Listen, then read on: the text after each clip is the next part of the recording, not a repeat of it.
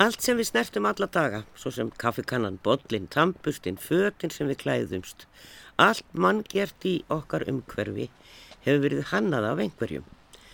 Hönnunamars hefur verið haldinn undan farin ár, helst í mars, þó ekki fyrra, þá var hann í júni og ekki heldur núna, hann verður í mæ. En til að halda merkjum marsins á lofti fjöllum við um hönnun í þættunum í dag. En eru margir með þær ránkugmyndir að þegar talað er um hönnun sé einungis áttu fatnað, nýtjalist og vefnað og að flestir hannuðu séu konur. Þetta eru auðvitað vittlisa. Eftir að listaháskólinn tók til starfa fyrir um 20 árum hefur alls konar hönnun og nýsköpun rutt sér til rúms hér á Íslandi. Við heyrum í tveimur ungum höfundum eða hönnuðum Valdísi Steinastóttur sem er meðal annars að vinna umhverfisvænar umbúðir og í Haldóri Eldjá tónlistamanni og forritara sem er að gera frumlega og óvinnulega hluti. En hér í stúdiói setja Hildegunni Sveristóttir, deildarfossiti arkitektúra H.I. og Garðar Ejjólfsson, hannur og dósent við Listaháskólan. En við byrjum í heimsókn í gastöðuna við Hlem. Já, við erum komin nýra á Hlem, eh, sem sagt í hús sem er nú gætna að kalla gasstöðin en ég verði einhvern veginn að leiðra þetta alltaf í hvert sinn. Þetta var heimili gasstöðastjóra á sínu tíma. Gasstöðin var jú rifið, löggustöðin stendur. Það sem að gasstöðin var, því miður var það hús rifið ákala fallegt en þetta er líka fallegt hús, steinhús hér á hodninu við hlem og hér hafa allavega hönnuður komið sér fyrir. Við ætlum að heilsa upp á hana Valdirsi Steinastóttur Hún útskrifaðist 2017 úr vörhönnun og það var svolítið margir séð eitt hennar verka nýra á lækjatorki, svona gengt bankastrætinu, það er svona speilrammi og þú kallar þetta tork í speiklun. Já, tork í speiklun. Já, og þetta er alveg glampandi og, og, og byggingarnir í kring speiklast í þessum ramm og þetta er svona eins og engangur í austustrætið, ákvæmlega fallit verk og hefur vakið aðtekli. Já, þannig að það er stórt og mikið og, og, og fólk staldra við og, og skoða þetta. Já, við vorum ofbúrslega ána með útkomin á þessu verki. Það er sem sagt ég og hérna, Arnar Ingi Viðarsson sem hönnum þetta verk saman og ég sem vöru hönnur og hann er grafiskur hönnur. Við ákvæmum svona að blanda saman okkar reynslu og þekkingu en samt gjössanlega fara út fyrir okkar þægindaramma og búa til þennan speklarramma og þetta hérna, verk er hugsað sem bæði áningastæður og eitthvað sem er svona uppbrott við umhverfið. Það er svona bæði plásfrekt en hóvert á sama tíma að það speklar allt og alla í kringum sig og við erum óbúslega ána með okkur finnst uh, fólk hafa tekið óbúslega vel og gaman að sjá að fólk sé að taka myndir af sér við það og, og að nýta það sem bekk og allt mögulegt. Allt mögulegt. Það staldra við. En þetta er kannski svona meira svolítið út í listaverk, því að þú ert náttúrulega vöruhönnuður uh mhm. -huh. og, og þið farin reyndar þarna í listaháskólan mannsi víða í, í ykkar verkefnum. -huh. Þú hefur líka verið að vinna umbúðir. Já. Og þú ert með hérna í tölvuninni, við setjum hérna bara fyrir framann tölvunarnar og þetta er, sko þarna er beikon eða eitthvað, jú beikon og liggur á svona plasti, en þetta er ekki plast, þetta eyðist, Hva, hvað er þetta? Þetta er í rauninni e, náttúrulegt plastlíki ef ég ætti að, að kalla það eitthvað. En þetta er sem sagt efni sem er bara í raun eins og plast við viðkomu og ég vinn þetta úr dýrahúðum og þetta er, ég sapna gelatínu úr dýrahúðum og þá fæ ég þetta efni sem hægt er að vinna svo áfram til þess að vera staðgengil plast, mengandi plast. Og það er svona framtíða síni mín með þetta verkefni að geta nota þetta plast líki til að pakka inn kjöldverum. Og, og þetta bara eigðist það sjálfur sér eða hvernig, hvernig vinna maður vatni á það eða hvernig, hvernig eigðist það? Uh, eins og staðinu núna þá eigðist það mjög fljótt í vatni og geti sett það eins og í moldu. En við erum að þróa að ég er að vinna þetta verkefni áfram með nýsköpunarmiðstöð það eru svona ákveðnir vinklar sem við eigum eftir að hérna, finna út úr og, en það mun alltaf vera ótrúlega hérna, ótrúlega mikilvægt í þessu verkefni að það eyðist. Og helst að finnst þess mér að pakningarna ættu bara að hafa í raun sama líftíma og varan inn í pakningunum Þannig að í rauninu að þú sér það að pakningarnar er byrjað að vera svolítið slappar, þá veistu, ú, ok, nú þarf ég að fara að nýta þetta. Já, ég skil, þannig að þú sést ekki að fara að henda matnum. Nei, Það er svona að segja manni til um ok, beikonið er að súrna hérna, það er að stekja. En e, er þetta ekki dýrt? Sko, maður fyrir að hugsa um það. Auðvitað vilja allir losna við plastið og vera að reyna að finna, það eru allavega leiður, við sjáum það hjá, hjá framlegslu fyrirtækjum að þau eru að breyta pakkingum, setja pappa að hluta og annað. En það er ennþá alltaf eitthvað plast. En e, hvað með að nota og hvernig datt er þetta í hug? Þetta eru eiginlega tvær spurningar í einu. hérna, já, hvernig datt er þetta í hug að fara að nota dýrahúð, sem sagt gelatín úr dýrahúðum og já, og er þetta ekki dýrt? Sem sagt, uh, hugmyndin kom þegar uh, maður fór að skoða kjöttframleyslu og þetta var sem sagt uh, verkefni í listaháskólanum þar sem minn átti að rannsaka hestin, íslenska hestin og við fórum í vettvangsverði í Sláturhús og þá fór maður svona að velta fyrir sér hérna hvað verður um hráöfnin og maður komst að því að eins og húðir eru ekki nógu vel nýttar á Íslandi maður mikið af þessu sendt út og mér langaði svona að reyna að sjá hvað við getum gert heima og þá byrjaði maður að skoða hvað sagan hefur gert og, og það er til dæmis þekkt að nota uh, lím sem er unnið úr dýrahúðum sem er líka gelatín. Þannig að ég byrja að rannsaka þetta gelatín sem dýrahúði gefa frá sér og þegar maður svo vinnur það áfram þá sá maður að þetta væri í raun bara kostur sem gengur upp til að pakka inn vörum. Og svo akkurat uh, spurningin um hvort þetta sé dýrara en mengandi plast, þá jú, en í rauninni þá er það ef maður hugsa um stóru myndina, þá er það raun ódýrara því þetta eyðist upp og þetta er ekki að fara hérna, gera... Í einhverja förgun eða eitthvað sem eins og þarf að gera við plastið og menga sjóin og menga hér og þar. Nefnilega. En þú ert, varst með aðra myndir þarna líka af plasti, sá ég þetta, Hva, hvað, hvað er þetta að gera þarna? Hérna er ég að sína fram á mismunandi mótunar möguleika efnisins. Því þetta er mjög auðmótanlegt efni og það er hægt að setja það í alls konar, það er hægt að móta það tvívítt, þrývítt og, og svona til að reyna að sína fram á að það er hægt að nota það á meir en einn vegu. Af því að við sittum náttúrulega bara hér á gastöðinu, hér er enga tilhörnastofur og ekki neitt, þetta, þú er bara með tölvuna þína. Er þið með aðstöðu þá í, í nýsköpunarmiðstöðu að taka aðri við þessu þegar þú ert búin að rekna út hlutfall og annars sem hafa að nota? Eh, Hvernig, hvernig farið það því að búa þetta til, reynilega, þannig að það er áþrifalegt? Sem sagt, eh, allt það sem hefur verið gert núna er bara sem ég hef gert sjálf og bara unnaði mikið að heima hjá mér. Já, bara í eldhúsinu heima. Já, bara ég bara að fórna, bara heiklust heimilinu mínu fyrir mína vinnu. En svo núna, sem sagt, með nýskurum viðstöð erum við búin að vinna með mikið, mikla forvinnu og núna í næstu skrefum fyrir eftir styrkveitingu og alls konar faktorum, þá munu þeir taka verkefnið áfram og finna út uh, hvernig er hægt að styrkja það og beita meiri vísindalegri aðferðum við að Já. þróa það. Og svo er náttúrulega, er mögulega fyrirtæki sem hafa áhuga á því að byrja að styrkja og vilja mögulega nýta þetta. Akkurat, Já, það er svona kannski enda punkturinn já, og þá selur þú hugmyndina. Já. og þá færðu fullt af pening og getur gert eitthvað en, en hvernig er sko markaðin hérna í þessu litla land okkar? Það er svo, eins og ég segi, það er svo margar frábærar hugmyndir sem að sér bara á þessum sýningum hjá LHI Akkurat. og það er ekkert allir sem komast eitthvað áfram með sitt. Hver, hvernig gengur það? Sko, þetta verkefni hefur fengið ofbanslega mm, bara góða aðtegli og e, bæði hérlendis og erlendis. Og eins og en, en var velti fyrir þessu markanuna heima þá nefnilega er, er fyrirtæki sem hugsa með umhverfisvennum háttum og eru að horfa á þetta efni og finnst það spennandi og eru víst, að að sækist eftir því að geta nota það og hafa sínt í áhuga þegar það mun vera tilbúið þau munu mögulega vilja nota það fyrir sína vöru. En svo líka finnst mér með þetta verkefna því að akkurat ég hef svona einhvern veginn aldrei hugsa, verið nógu svona peningadrifin ég er alltaf bara svona einhvern veginn með einhvern hugssjón að því mér finnst líka þetta verkefni fyrir mér snúast um einhvern veginn að horfa á kjörnislu og hugsa um fullnýtingu og svona akkurat hvernig nýslumynstur okkar er.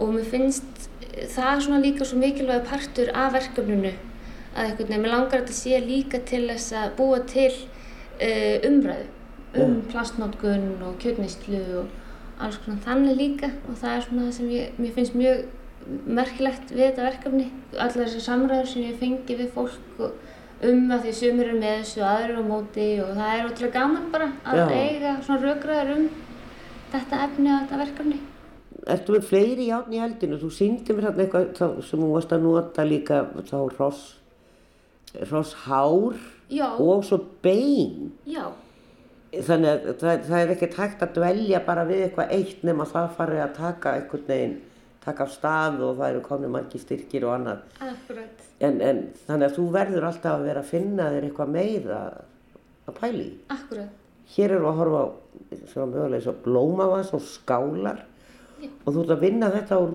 beinum, já, dýrabeinum. já Þetta hérna, því þetta svona þegar maður byrjar akkurat á einhverju svona topiki þá fer maður dýpr og dýpr onni og þá hérna núna akkurat er ég með þrjú verkefni þar sem ég er að nýta sláturhúsa úrgang og er með þá annars beinin og ég tek sem sagt bein og býti beina lím og kóla svo beinin og být til svona í rauninni svo ösku úr þeim og blanda aftur saman og þá hérna fæ ég fljótandi efni sem ég get mótað í raun bara í sama hvað, bara í hvaða form sem er og þá, þegar þotnar þá hefur það uh, svipaðan styrk og MDF efni.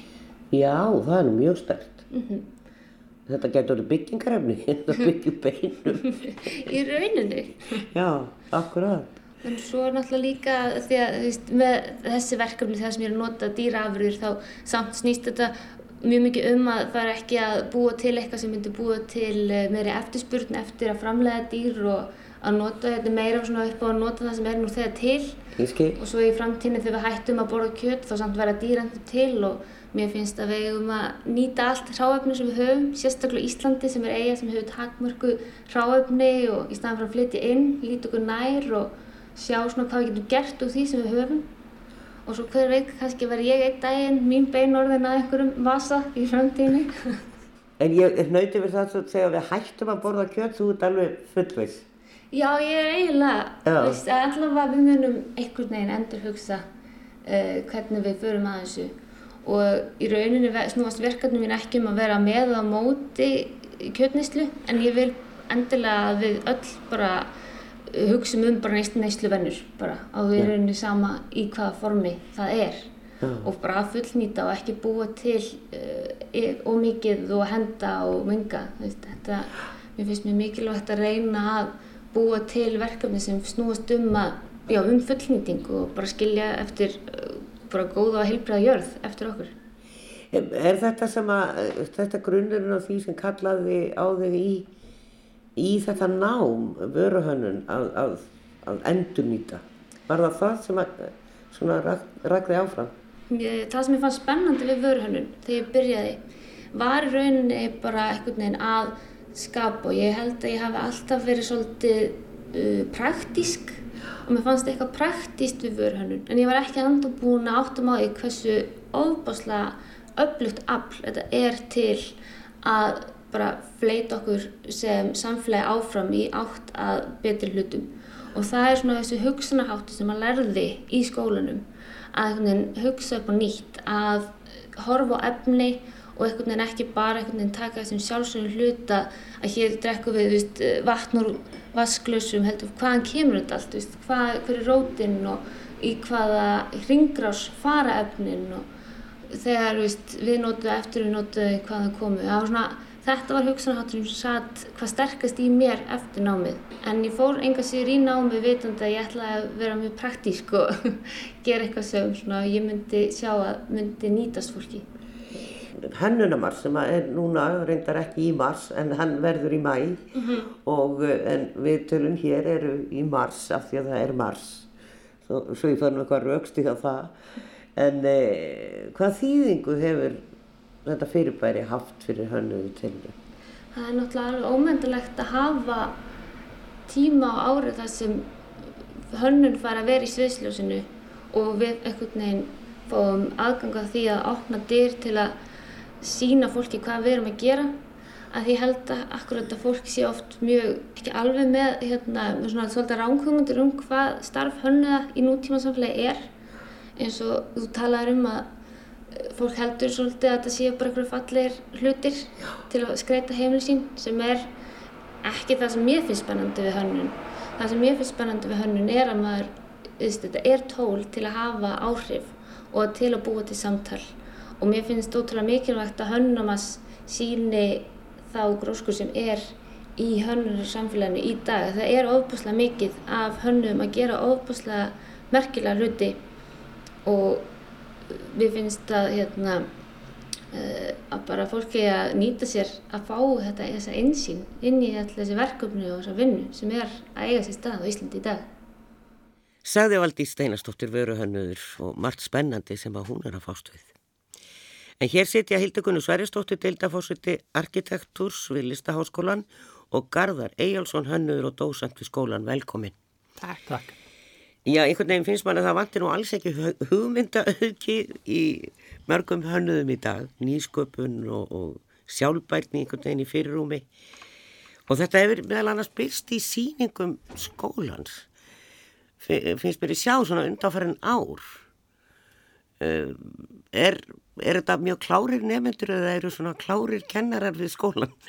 Mm, ég held að þetta bara blanda af báðu sko. Um, ég held að það er gríðarlega mikið að færu fólki sem er að kenna. Ég held að það er góð líka að veiða mjög fært fólk inn til að kenna. En uh, svo tekum við líka eftir að það er að aukast líka aldrei svona fólk sem að sækir um allan eins og í vörunum og, og hérna í mastisnáminu það er að verða svona fókusur að í að hvað, hvað er að sækja um. Það veit svona betur og betur um hvað hvað þetta snýst og hvað við höfum fram að færa það hefur kannski eins og bara eða þetta er, þetta er ungt fag að hérna, skilningur er alltaf aukast líka út í samfélaginu, hægt og rólega Já, já Sko, þetta er ungt fólk sem ég talaði við þannig á þriðdægin mm. bæði Haldur og þessi stúlka en þau eru svo meðvituð um ástandið á veröldinni og bara sjálfbærni og já. hvað allt er nöysilegt, hún er alveg sannferðum að við hættum að borða kjöld Já mín kynslu myndi ha, þú veist, ekki, ekki svona sannfærið.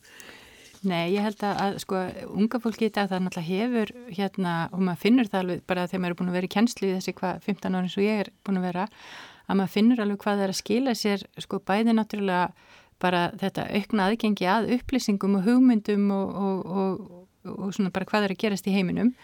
En líka, þetta, við verðum alltaf líka bara að muna, þetta er, þetta er kynsla sem er að alast upp við, sko, ég menna við, eða mín kynsla var með, með hérna, kjarnorku vána, þessi krakkar vita náttúrulega alveg að, að, að heimurinn sem býður að hann er ekkit endilega bara blóm og rósi, sko, og, og, og þau eru auðvitað á fullu að, að reyna að skilja hvað, hverja þeirra verkefni verður og þá að reyna að, sko, búa sig sem best undir þau verkefni með þeim tækjum og tólum og, og, þekkingu sem að, sem að hérna, bara sem betur fer. Því að annars verðum við náttúrulega verið lágandum stað. Já, það er mikið rétt.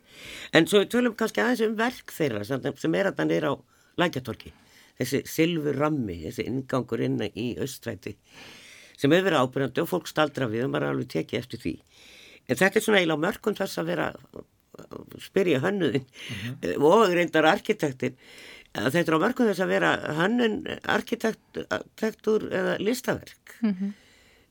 það er engi mörg Nei, ég, ég held allan að veist, þessi hugmyndum fagvettvang er náttúrulega mörkinu millir eru að verða óljósari og óljósari og það heldur sér líka aftur eðlilegt og svona tíðanandinn kannski líka okkur konar framtíð.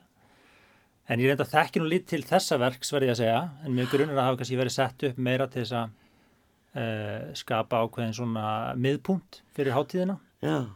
Uh, bæðið fyrir fólk til þess að hérna, koma saman, spjalla saman og líka bara til að skapa ákveðin svona eh, kenniliti fyrir háttíðina sem var. Já, þetta var í fyrra held ég sem það sett upp. Já. Þetta er svona kannski gödugagn líka sem arkitektar eru gefnar að hanna og við erum svona kannski farin að huga meira að. Já í umhverfu okkar heldur við gerðum kannski bara fyrir 15 ára. Nákvæmlega, búa til staði og búa til eins og hún bendir á bæði áningarstaðin líka einhvers konar kannski ósynlega þröskuld sem maður er að fara yfir eða það er að segja ósynlega, en þetta er hann sínlegur en hann markar einhverju leiti kannski rýmið á, á staðinu meðurvísi og ég held líka að það sé svo mikilvægt sko, það er svolítið synd hvað við erum farin einhvern veginn að, að tala um listin og einmitt hönnunin eins og hún valdi sér að lýsa þarna sem einhvers konar skreiti. Sko myndlist hefur náttúrulega í gegnum tíðin alltaf einhverju leiti verið að sko spikla samtíman, upphefjan, gaggrínan, takandli skoðunar þannig að, að sko að því leiti þá náttúrulega er, er það markmið allra þessara hérna greina, hvort sem það er hönnu, arkitektur eða, eða, eða myndlist að við erum alltaf einhverju leita að, að bregðast við þeim aðstæðum sem að eru uppi í samfélaginu eða okkar byggðum hverfi eða hvað það er og gera tilrunir til nýra tíma. Og eins og Gerðar segir sko ég held að, að bara þróunin hefur verið að vissu leiti sem að að mörguleiti er líka kannski bara mjög skynnsanlegt og það er kannski ekkert svo áhugavert endilega að velta fyrir sér sko hvort þetta sé þetta eða hitt. Þetta er meira kannski hvaða, hvaða verkværi hefur þú til þess að að, að, aðeins gaggrína spekla eða, eða taka samtíman til umfjöllunar sko. Mm. hvort sem það er svo, hvort er kvöldlunar arkitektur eða grafíska hönnun eða hvað það er það, það verður kannski svolítið aukaðriði sko. Það er meira kannski hugmyndafræðin eða, eða spurningin sem liggur fyrir sem að skiptir máli og ég held að að einmitt sko bæði er þetta einhverju leiti held ég eins og Garðar bendir á sem er líka mjög mikilvægt að búa til einhvers konar tákn fyrir til dæmis það fyrirbæri sem hönnuna maður sér. Einhvers konar sko punktur í tíma og rými sem segir nú ætlum við að, að taka, já, ræðast, ræða saman um, um þessi mál. Nákvæmlega, en tölum aðeins um umbúðunar sem hún valdi svara að gera. Og uh, þar kemur nýskupunarmiðstöð stertinn og enn og aftur skil ég bara alls ekki af hverju á að leggja nýsköpunarmiðstu niður. Það er bara svo ótrúlega mörgum sviðum sem að vísinda fólk bara við allir geirar samfélag sem leita til nýsköpunarmiðstöðar. Mm -hmm. er, hvað segir þeim um það þá það er að leggja hana niður? Já, ég minna eðlulega svona fyrstu viðbyrjun alltaf maður verður pínu skeptiskur. Það hljómar alltaf enginlega Uh, og bara í þeim bransa sem er í og þú veist, í þeim tækifæri sem maður sér inn, inn í framtíðina þá held ég að það er gríðarlega mikilvægt að það sé eitthvað skonar millistig þarna milli hins ofinbera og engagerans í því að hérna sjá um og hérna íta áfram uh, rannsóknum sérstaklega á sviði efnisrannsókna eins og í tilviki valdísar að það er mjög mikilvægt að fólk er með góður hugmyndir að það hafi eitthvað til þess að leita þegar það er náttúrulega gengur ekki upp að fólk sé að þessu í eldursunni heima á sér Nei. og sérilega ekki að við ætlum einhvern veginn að vera trúanleg bara sem hérna, þjóð á þessum fórsendum að við getum bara, þú veist verið hérna í almennlum rannsóknur um okkur eigið samengi, það er bara algjör grunnur Já, þau reyka hérna á hlemmi bæði sagt, eh, setur skapandi greina tónlistarstöðina mm -hmm. og svo gasstöðina mm -hmm og um, mér skilst allavega að það ég að leggja niður þetta setur skapandi greina, ég veit ekki með hitt með þessari niðurlagningu og ég sé ekki fyrir mér að, að engaregstur komið þarna inn. Nei og þetta er sko og þetta er mjög enginlegt í stjórn sem að, bara í sínum stjórnarsáttmála sko leggur annars vegar áherslu á sko nýsköpun eh, einhverju leiti sjálfbærni og, og hagseld og hefur sko einna punktunum sem þau leggja upp með bara hreinlega að umhverju fyrir rannsóknir og þróun eða vera framúsgarandi og ég segi fyrir mig sko nú er ég náttúrulega kannski kem pínuður við sagði þessi gegnum arkitektúrina því að það er einfallega bara svo stórt þetta, er svo óbúslega stórt batteri í, í bara öllum samfélagum og, og ég menna ég veit ekki hversu mörgum tugum miljardar sá hérna bransi veldir á hverju ári. Við til dæmis á Íslandi sko við byrjum okkur saman við e, Norðurlöndin til dæmis á Norðurlöndunum er viður í, sem vex upp á staðnum og, og er þar með í sínu umhverfi og er síðan nýttur í sínu umhverfi og það er sko alltaf þekking á hvernig gott er að byggja og, og annars líkt. E, sama við um stálið og ég menna maður skilur alveg erlendis hvernig e, stálframleðendur eða viðaframleðendur hvernig það getur e, þarna, verið skynsalegt fyrir þá að reyka á sínum fórsendum með rannsóknustofur um sitt efni en við búum eins og ræðast að í pínulöldu samfélagi sem að hefur enga, í rauninni, enga staðbundna auðlindir í byggingum nema steipuna. Allt þarf að vera flutt inn og jáfnveil steipan við höfum bara eina öld af reynslu við að byggja steipuna og til dæmis ef var ansóknustofnum byggingariðina hefði ekki verið til á sínu tíma það hefði engin sens verið að skoða til dæmis alkaliskemdir sem voru mjög alvarlegar eftir svona fyrstu kynslu steipubygginga og það að, að, að það, sko, þetta er bara, þetta er svo, svo ofbúslega alvarlegt að hér er ekki að vera til miðlæg rannsóknustofa í efnisfræði til dæmis varandi, og talandi með, öllum þeim vandamálum varandi miklu, varandi inniklíma, varandi bara burð, þú veist, þetta er, þetta er svo fráleitt að ætla annars vegar að stuðla að e, skinsamlegri nýtingu efna, e, umhverfisvæni, tala um ekki um ef við tökum líðheilsu og bara e, rými skæðin, að það sé að það er ekki að vera til neitt miðlegt fyrirbæri þar sem að, að eru sagt, þar sem rannsóknum er synd og þeim miðlað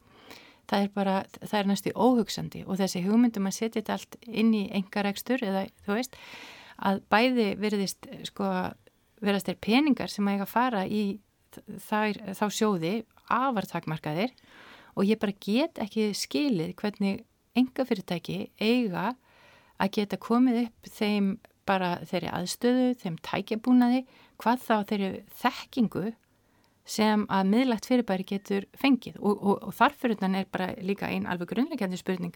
Ef þú fær peninga fyrir að nógumbera til þess að sinna einhverjum rannsóknum í sem einhverjum byggingar tengtum álöfnum hver var hvaðin hjá þér til þess að deila niðurstöðunum eitthvað áfram? Þegar þú ert búin að fjárfesta í því sjálfur. Og, og hver er hvaðin líka sko ef við höfum miðlagt fyrir bara eins og bygging, rannsóknstofnum byggingareinaðarins er að þá er hvaðin alltaf sko e, samfélagsins. Það er að segja mm. að, að samfélagið sem heild framtíðin græði á niðurstöðunum saman og þar verður ákveðin uppsöfnum þekkingar sem hægt er að ganga þessu kortlækning hvar getan liggur og hver, hver, hver veit hvað og ég segi fyrir mig nú er ég að byggja upp meistranámi í arkitektur og við erum að, að, að horfa fram á bara framtíð sem bara heimtir að við förum að byggja skinsamlega og fara vel með efnin og við höfum ekki þenn til að aðgengja öllum þeim efnum sem við höfum í dag.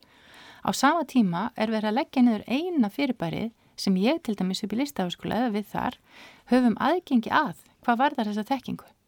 Þetta er svo alvarlegt. Ja, þetta er mjög alvarlegt sko, þú veist, bara, líka bara í samengi viðskiluru þess að loftlagsvá, þú veist, það er bara aldrei meiri þörf fyrir einmitt svona batteri heldur en akkurát núna, þú veist, það er bara öskrandi þörf. Og þú veist, maður veit ekki almenna hvernig á að bregðast við því í svona ljósið þessara frétta, sko. Nei, ég heyri það hjá bæðu hönnum og arkitekt, já, sem eru náttúrulega líka hönnum, bara öllum sem starfið þessum geira, þetta er mjög alvarlegt mál og ég tala ekki um fólki sem starfa hjá þessum stopnunum. Þannig að það er nú engin ánæði með þetta, við sjáum hvernig það fer, við leysum það því miður ekki hér og getum ekki sagt stopp, hættið við þetta En við skulum hlusta á næsta viðtal og heyra hvaðan Haldur Eldjátt hafði að segja um sínu verkefni. Það var spennandi, ég sagði nokksinu vá.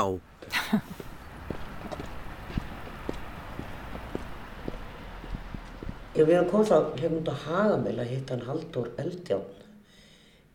Hann kallaði sig hönnuð, allavega í aðra röndina. Hann er ekki mentaður hönnuður sem slíkur.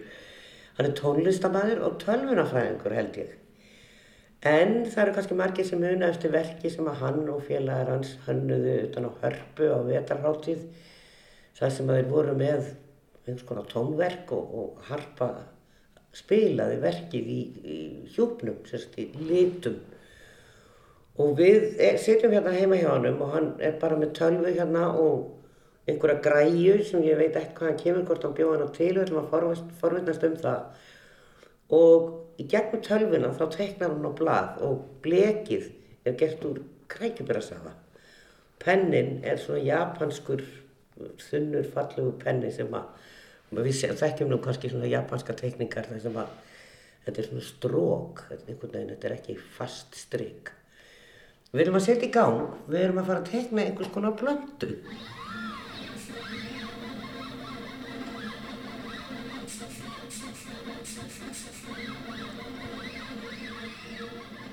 Já, hérna. Hún æðir hér um blað.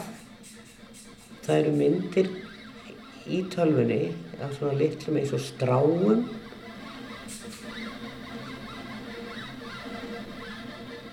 Og hún bara, þetta er alveg stór merkilegt haldur. Þegar einhvern myndi sjá þessa mynd sem er í tölfunni, er það að teikna hana, það sem er á tölvuskjánum? Já. Já, akkurat. Myndin á tölvskjánum er sérstaklega búin til bara með forriti sem ég skrifaði og þannig stilli ég til alls konar eiginleika sem valda því að tölvan getur búið til í raun serju af svipuðu myndum fyrir mig þannig að ég sem höfundu forritsins ég bara svona ákveð svona ströma og stefnur í, í útliti og í þessu tilfelli er tölvun að reyna að líka eftir einhvers konar plöndu minstri sem vex og kvíslast svona eins og trjágreinar sem vaksa og svo er forriti keirt og það er algjörlega tilvílunum háð síðan hvernig sprettur út úr hverjum einstakling. Þannig að hver, hver einstak mynd er bara gerð einu sinni og er bara prentuð einu sinni. Þannig að þetta er ekki kannski eins og grafíkverk sem eru prentuð mörgum eintökum og þau eru allir eins Nei, ekki, ekki alveg eins en að einhverju leiti svipað um, þannig að ég líti á þetta sem svo að þetta, er, þetta eru serjur og í hverju serju ger ég, ég 16 myndir uh, og þær eru allar ólíkar en eiga einhvern veginn heima í þeim gardi eða þeirri serju Þú ert hérna með tvær í gleru og ramma. Já, það eru tvær hérna sem eru eftir af síðustu serju og þetta eru, þetta eru svona, já, stærri, stærri útgáður Já. sem ég hef verið að selja. Sko hvernig fattaður þetta? Getur maður ekki spurt að, spurt að því eða, eða já, hvernig nálgastu þetta verkefni? Uh, eiginlega bara af einskærum nördaskap og svona uh, einhvers konar viðleitni að reyna að samina þessa stafrænu og lífurænu heima sem við lifum á mörkunum á. Ég rakst fyrir nokkur síðan á miklar rannsóknir sem um, minnir að hann heiti Lindenmayer stærfræðingur um, nei, ekki stærfræðingur bara grasafræðingur Já, já, já. hann skilgreindi svona kerfi sem er kallað L-kerfi eða eh, Lindenmayer kerfi. Og með því er hægt að búa til forskrift að plöntum í rauninni bara í kóða eða með bara stærðfræðilegri stærðfræðilegum táknum. Og eru þetta þá svona plöntur sem eru kannski til í náttúrunni? Því að við vitum jú að það eru uh, dráttægir menn sem að fara út í náttúrunni og teikna upp og, og gefa út bækur með mynd af sólegi og öllum mögulegu sem er allt gert í höndunum og ótrúlega tímafrægt og, og dýrt. En getur tölvan gert það? Já, í rauninni sko þess- þessar aðferðir um, um, um leið okkur sagt, eh, leiðin til þess að fá okkur til að skilja eitthvað svona sístem sem tré til dæmis það er mjög, mjög merkilegt þegar ég voru að leika með þetta að sumt af þessu leið bara ekkert út eins og neitt lífrænt en svo þetta byggist mjög mikið á svona ákveðinni hotna stærð á trjágreinunum hvaða hotn myndast þegar það kemur ný trjágrein. Og það er einhver, einhver mjög maður að segja, eh, þetta er svona mjög mikil nákvæmnis vinna að fá þetta hotn alveg rétt og þá allt innu fyrir þetta að líta lífrænt út Ég skil. og svo fer maður aðeins og stórt hotn eða aðeins og lítið hotn og þá bara lítur út eins og eitthvað allt annað Þannig að þessi tölvuheimur er ótrúlega og þú ert líka að nota þetta í tónlistinu því að þú ert tónlistamæður já, og lærður tónlistamæður. Já. já, já. Og, og mentar þig hvernig í tónlistinni? Lífrænt eða tölvu? ég byrjaði að læra á lífrænar trommur eða hérna bara á, á slagverk og kláraði tónlistaskóla FIH og svo hef ég verið bara mjög viðriðin tónlistabransan með hljómsdunum minni Sigur og svo núna síðustu ár hef ég verið að gera sólóverk um, bara verið að semja tónverk og plötur. Ég gerði til dæmis plötu árið 2019 sem var byggð á myndasafni NASA frá tunglferðunum. Og þá er rauninni það er kannski ekkert svo ósvipað þessu verkefni að því leiti að ég byrja með þetta myndasafn frá NASA skrifa síðan forrit sem að greinir myndirnar og fyrir hverju einu, einustu mynd þá verður til lítið forskrifta litlu tónverki. Og svo veli úr þessum tónverkum og, og gaf út þess að plötu með já, sex myndum. Þetta er líka einhverjum skilningi kannski svona uh, velræn útgáfa af myndum á sýningu já, sem, sem er mitt uppáhalds hljómsveitar og, og pianoverk eftir Mussorgsky og í útsetningu Ravel og þar er uppleggið að Mussorgsky fer á myndlistasýningu hjá vini sínum og semur svona litlar tónlistarlegar túlkanir á hverri og einni mynd og það sem er svo merkilegt þegar maður sér myndina fyrir sér Já. þannig að það var einhvers konar tilraun til að gera það Mm. mögulega Sko, af því að það er, mörkin eru afskaplega gráð þarna stundum á milli hönnunar og, og svo feinlega listar. Og þú ert einhvers staðar þar á þessum gráa tóni, þó þú sérst að nota svona nútíma teknískar leiðir, að þá út úr því kemur listaverk sem þú ert að selja, en samt ertu að þvælast inn á hönnunamarkaðnum sem að kannski, já, margir listamenn eru reynda líka. Já, um, ég einmitt er svona, já, ég er nokkuð meðvitaður um það, ég er þvælist þarna einhvern veginn á milli og um, ég er ekki, ég er ekki mentaði myndlistamæður en ég hef mikið gert tilraunir með svona visual uh, verkefni Já. Og hef alveg gríðarlega mikla skoðanir og, og mikið svona, ég tel mig hafa mikið að segja þar. Þannig að, að nálgast myndlist og hönnun á þennan hátt í gegnum tækni sem ég þekki, það hefur svona verið mín leið daldið Já, til að koma hugmyndunum mínum bara út, já. hugmyndunum á blað. Og þú hefur oft tekið þátt í hönnunamars. Já, ég hef tekið alveg all nokkru sinnum þátt bæði svona hef uh, tekið þátt bara í umgjörð hátíðarinnar um, og líka verið með sýningar með öðrum og í fyrra var ég einn með sýningu þessa sýningu sem sagt þar sem ég sýndi þessar plöntu myndir og síðan uh, uppfinningu sem að er einhvers konar velræn klifurjurt. Og ég ætlaði mitt að sína þér hana hérna eftir ég með hérna inn í stofu það er að lítil vél sem að maður getur hengt upp á vegg hjá sér sem er með litlum kvittanarprentara inn í og tölvu og ljósnema. Og síðan á hverjum degi þá prentar prentarinn nokkra millimetra á, á nokkra mínútna fresti af plöntuminstri sem er búið til með svipuðum aðferðum hérna stærfræðilegum aðferðum. Já, og ljósmagnið í herberginu ræður því hversu breið eða mjó plantan er og hversu stór löfblöðin eða smá eru á plöntunni. Þannig að eftir því sem tíminn líður þá lengist streymillin og þú sérð plöntun að vaksa og þú sér hann að draga sig saman eftir gangi sólarinnar. þetta er skemmtilega nördalegt. Þetta er alveg, þetta er einstaklega nördalegt Já, en já, kemur til af svona tilfinningunni af því að tíminn er alltaf að líða og við skrásetjum kannski ekki hvern einasta dag en plöntunar okkar gera það já. og það þarf að Tekkar þú á henni á hverjum degi? Já, ég reyna að gera það. það Já. þetta er svona smá líka eins og að hérna, lesa á jarðskjálta ritt nema bara þetta tekur ljósmagnið en Já. það myndir nú kannski, kemur nú kannski skemmtilega út núna að, að geta tengt plöntuna einhvern veginn við skjálta. Já, það myndi Mikið að gera vera þar. forveitilegt, já. En þessar myndir sem þú ert svona svolítið búin að vera að gera og sýndir í fyrra, þetta minnir svolítið á svona japanskar tekningar. Já, ég er mjög... Er það út af pennanum eða, eða?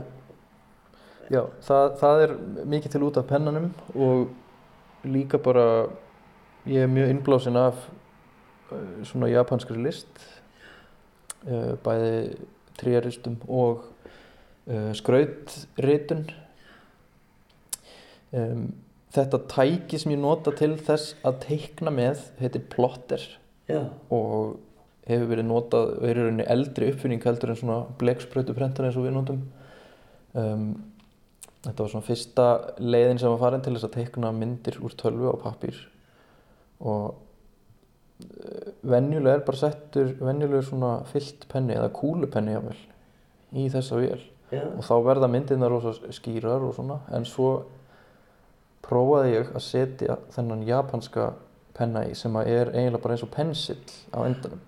Og þá fer bara fara að koma alls konar aðrir faktorir í ljós. Það legur blek úr, blæðir úr og lita pappirinn, myndast svona klessur einhvern veginn í pappirnum og hann fyrir oft ofan í og þá verður það dekkra og dekkra. Og kemur einhver svona ótrúlega fallegur náttúrulegur karakter út úr einhverju sem er algjörlega gjörsamlega steingelt og stafrænt. Já, því að þegar maður skoða myndina þá hefur maður haldið að maður vissi ekki af þessu og þetta væri handgjert. Já. Það væri einhver búinn að tekna þetta með penna. Og það voru einmitt þegar ég var með síninguna í fyrra á Hönnamars þá held fólk, margt fólk sem kom að þetta væri sko raunverulega plöndur og ég hefði pressað þér á pappir. Já. það var einhverju sem var búinn að vera þarna inni alveg í kortir að skoða og svo fóruð að spyrja hvort ég var að pressa þetta sjálfur og svona. Af því að þú ert svona, svolítið einst, allt sem þú ert að gera er svona, er ekki hægt að segja að það er svolítið einstakt. Það er ekki margir að gera þetta. Hvernig þið fyrir, já, þið fyrir þér í þessum bransa að þarft að vinna aðra vinnu til þess að geta svo verið að pæli þessu? Ég uh, er farin að snúa mér að þessu í auknumæli og það hefur visslega hjálpað að geta framlegt þessar myndir og haldið síningar og, og selt eintök og það hefur líka staðið svona tóltið undir kostnæðinu við, við þetta allt saman og þetta er, þetta er dýr pappir og dýr tól og, og tímafrækt að gera þetta. Um, en ég bara hef líka nóg að gera í tónlistinni og, og tek líka að mér einhver verkefni sem forrættari. Þannig að það gengur bara þokkarlega. Já. En ég sé alltaf fyrir mér að, að listinn og listsköpunum mín verði sjálfbærar með tímanum þannig að ég geti, maður fái líka meiri, meira svona andrými í að einbita sér að sköpun. Nákvæmlega. Kíkjum á skriðplantuna sem er rafrænu skriðplantu sem er hér inn í hinni stofu, inn í eldúsunum, ferum inn í stofu. Ferum okkur inn í betri stofuna. Vítu við, hvað er hún? Herru, hún er hérna, hún hangir hérna upp á vegg. Já, já, já, já, já, já, já, já, já. Þetta er bara svona borði, er þetta físklónapappir eða? Þetta er, þetta er bara kvittanapappir. Þetta er bara, kvittanapappir? Stál heiðalegur kvittanapappir eins og pítsusendlarnir eru með já, í pósanum sínum. Já, já, og þetta er svona, hún lafir, jú, jú, hún, þetta er eins og hengiblanda. Já. Já. Og svo heyrir maður í prentaranum svona við og við, þá kemur svona lítið tikk. Já. Þá er hann að prenta svo sett. Þarf þetta ekki að, að, að setja hann í gang eða neitt, bara hann gerir þetta bara. Hann er bara, hann bara er í gangi, alltaf. Já. Og prentar. Já. Og svo til dæmis þetta hérna, hér er engilöfblöð, þetta var í nótt. Já. Nú er nóttin að styttast, þannig að fyrr í vetur þá var þessi lína lengri. En ég reyndar stilt í kóðun af þannig að hann stytti nætunar svo hann sé ekki, það er svo, oft svo ótrúlega langar nætur. Kín, við erum hérna snúum í söður, það er regningardagur og svona frekka þungbúið. En þegar sólinn skýn hérna beintin er hún þá mjög glöð. Þá er hún mjög, er mjög glöð og koma risastór löfblöð í mangi. Já. Hvernig var sóladagur hérna síðust? Já, það er ekki svo langt síðan. En talið okkur hérna aftur, þetta Já, já, já, já, akkurat. Já, hérna hefur líklegast verið, hérna eru doldið stór löfblöð og svo hefur komið orðið skíðan kvöldið. Skemmtilegt. Þetta er ótrúlega. Í raun, þetta er, þetta er náttúrulega kannski ekki beint umhverfisvænt um, en hann prentar hægt og svo nota ég streymilinn í gjafir og nota það til að pakka inn af því að þetta virkar eins og mjög fallegt skraut utanum. Til dæmis þegar ég sel myndirnar þá nota ég pappirinn til að pakka þeim inn. Já, ég sá það, já, nokkarlega. Svona fyrir hodnin. Ótrúlega skemmtilegt að skoða verk og heyra hjá honum Halldóru Eldjátt sem hefur að kalla hann hönnuð, já, eða listamann eða tónlistamann eða hann er einhvern veginn út um allt. E, Kanski svona margir af þeirri kynst á sem þau eru Valdís og hann er að fara inn í einhvern allt annan heiminn viðfóruminni. Alveg öruglega. Já. En e, notagildi, sko, ég veit ekki hann er að kenna líka við skólan bara svona til að forveitnast um það Hva, hvað er hann að kenna þar? Uh, hann hefur aðeins verið að kenna hjá mér í mastisnáminu, mikið samt með svona fyrirlestra. En þetta er kannski, þú veist, það sem hann er að opna á er mikið til svona svolítið nýr heimur inn í svona það sem við kallaðum emergent technologies eða komandi tækni. Og það er mikið verið að skoða hugmyndur um gerfigreind og hérna forritun og, og hérna hvernig róbótar vélmenni muni hafa áhrif á líf okkar. Já.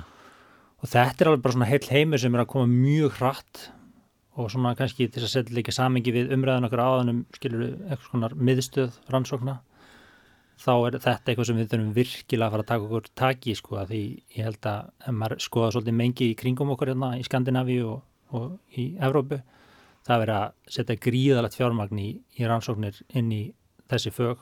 Og þá sérstarlega með hvernig mann er að tengja þessa hluti eins og hann haldur er að gera inn í meira þá hérna viðfangsefni eins og náttúra eða umhverfi. Það er alltaf áhörðu samröðinni sem er að gera starf á milli eins og verkið hans Halldórs segir til um, skilju, það er meira svona pælingar um hvernig, þú veist, hann er raunin að gera manngerða náttúru uh, og þetta er raunin bara risastort uh, svona kannski nýtt fag bara samfélag að myndast sko inn í þessum mengjum sko. Já, spennandi. En e, svo kom okkur aðeins á jörðina, þetta er svona einhvern veginn í framtíðinni fyrir manni, en, en er þó alveg við bæjadirnar. Það hafa margir á okkar hannuðum hérna opnað sem að þá eru kannski meira í svona nýtjalist og fatnaði og öðru reynda að hefja rekstur og, og svona selja sína vöru og sundgengur eins og við sjáum náttúrulega Farmers Market gengur vel og, og, og einsjáu steinun spagmarsbjærir gekk lengi vel við teljum ykkur að fatabúðir og Stefánsbúð. En, en við sjáum líka margar fara á hausin frábærar hannunabúður það sem hefur verið að gera virkilega flotta fyrr erum við allt og lítil til þess að, að hannur geti verið að verið á markaði ef við segjum svo? Sko við náttúrulega erum mjög lítill markaður. Og þess vegna bara komandi aftur að akkurat hvort sem við kallum nýsköpunar miðstöð eða bara almennt fjármagn til nýsköpunar að sko ég held að stjórnvöld verði að taka sér pinnutaki og, og skilja að sérstaklega okkar samengi að þá bara til þess að sko koma hlutunum af stað, byggja upp verkþekkingu, sko áður en hlutir geta í rauninu orðið kannski sjálfbærir í sölu, sérstaklega í litlumarkaðin, ég minna í mörgum tilökum er fólk líka að, að, að selja erlendis, um, að þá, þá þarf að gera fjárfestingu í þessum frum hérna skrefum. Já e, og, og það er svolítið synd sko að, að við náttúrulega líka höfum mist verkþekkingu sem var hérna þegar við þurftum til dæmis að vera með, með fataðinnað á Íslandi og, og, og hérna og ég meit svona nýtjalist var meira hérlendis að, að það byggðist auðvitað upp þekking og ákveðin vélabúnaður sem síðan var ekki endur nýjaður og verkþekkingunni var kannski ekki endilega haldið við. Nei, henni var eiginlega bara fórn. Já, og við höfum náttúrulega upp í listáskóla verið, sko, ég minna það hafa verið verkefni sem við höfum bara reynilega verið að einblýna á þetta, reyna að staðsitja þessa verkefþekkingu sem er til og, og reyna svona að tengja hana við, við yngri kynnslöðir, en, en, en, en þetta, þetta fjallar mjög mikið um að það þarf að vera einhvers konar stefna frá hennu opumbera til þess að, að brúa þetta byl, að því að það, það er það er bara óbúslega ósangjant og óskinsanlegt að þetta sé alltaf í höndum einstaklinga að, að e, sko lifa bara við, við algjörðan skort og, og bjóða fram heimili sín og, og, og líkama og tíma til þess að gera eitthvað sem ætti bara að vera til í einhverju hérna miðlægu kjærfi mm. því að þetta er hérna, já og þannig að ég, ég veit ekki, markaðurinn er lítill já og þetta er vandamál já en, en en ég held að það væri hægt að gera þetta betur. Já, já, eftir saman á þessu, þú ert náttúrulega búin að vera að kenna þarna í mörg ár. Já, maður sér kannski aðalega, þú veist, það er kannski líka bara svona skilningur á því að, þú veist, skólar hafa ákveðu hlutverk og þú veist, þeir geta heldur ekki synd öllum hlutverkum, skilur, við getum ekki, við getum ekki verið að menta og einhvern veginn byggja upp krítiska hugsun og tekja ansið mörg bóks en líka synd, skilur, nýsköpuna hlutanum og þjónusta, skilur, verið verstaði fyrir slíkt eða, og tengingu við vinnumarkað og allt þetta. Það er kannski svolítið mikil ábyrð sem að fellur bæði á kannski stofnanir uh, og einstaklinga. Mm. og aftur um að svona nú þekk ég líka mikið til sko hvernig þetta gengur fyrir sig ellendis það er mikið vunnið öðrum svona mengjum.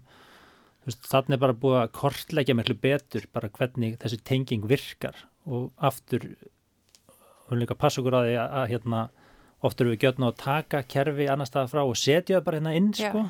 það þarf líka sko að staðfara þetta dæmi. Og þetta er bara hörku vinna, kortlæringavinna og sýrilegi þú segir til dæmis með hérna, hef, það er margt reynd í, í svona markaðin sem er hérna, fatamerki eða vörulínur þú veist, mengi er líka bara svo rosa vítt sko, þú veist, maður sér fyrir sér að jafnvel að nefndur sem kom út frá okkur eru bara að fara að gera hluti eins og til dæmis svipa eins og Carbfix sem er svona verið að dæla nýr hérna koltvísýringi og niður jörðin og breyta það í stein eða þú veist, það er bara, þú veist mengi eru hansi vítt sko.